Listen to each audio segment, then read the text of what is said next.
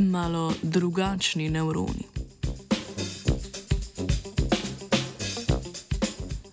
Skupina znanstvenikov in znanstvenic iz MIT je nedavno objavljeni raziskavi ugotovila, da se človeški nevroni L5 bistveno razlikujejo od nevronov drugih sesalcev, tudi ostalih preučevanih primatov.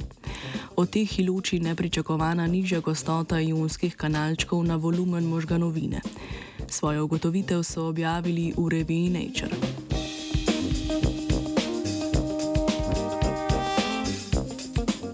Možgane sestavljajo mreže nevronov, ki prenašajo signale v obliki sprememb napetosti na celični membrani. Spremembe napetosti nastanejo s pomočjo ionskih kanalčkov v membranah, ki črpajo ione in pri tem porabljajo energijo. Za sesalce velja, da so nevroni v možganski skori gostejši, večje kot so linearne mere telesa, naprimer dolžina rok, višina in podobno. Raziskovalna skupina je preučevala vzorce možganovine desetih vrst sesalcev.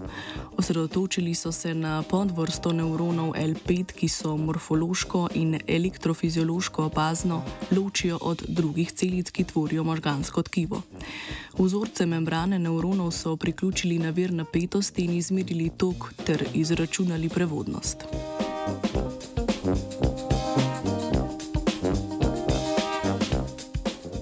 Ugotovili so povezavo med površino nevrona in prevodnostjo membrane nevrona. Manjša površina nevrona je pomenila manjšo prevodnost in obratno. Pri človeških nevronih niso opazili te soodvisnosti. Izmerjena prevodnost membrane človeških nevronov L5 je bila premajhna glede na njihovo površino.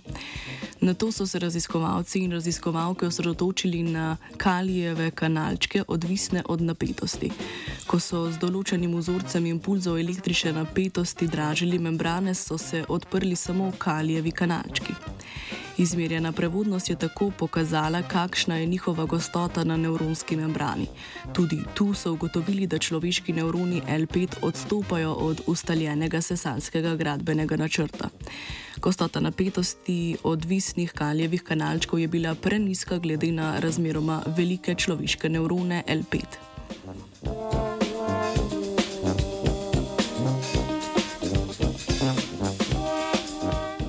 Poleg ugotovljene nepričakovane razlike v prevodnosti, odkritje odpira še številna druga vprašanja.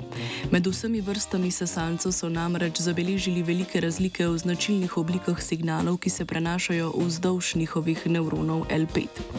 Teh odklonov niso pojasnili niti medvrstna razlika v velikosti nevronov ter razmerje med površino in volumnom, niti gostota kaljevih kanalčkov, odvisnih od napetosti. Kaj sta biofiziološka podlaga in pomen takšnih razlik, za zdaj tako ostaja odprto vprašanje. Trenutna hipoteza raziskovalne skupine je, da zaradi manjše gostote kanalčkov na volumen možganov porabimo manj energije za osnovno delovanje nevronov.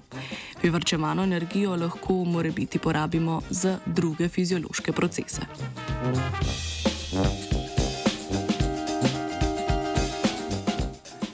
Signale je po nevronih prevajala vajenka Aida.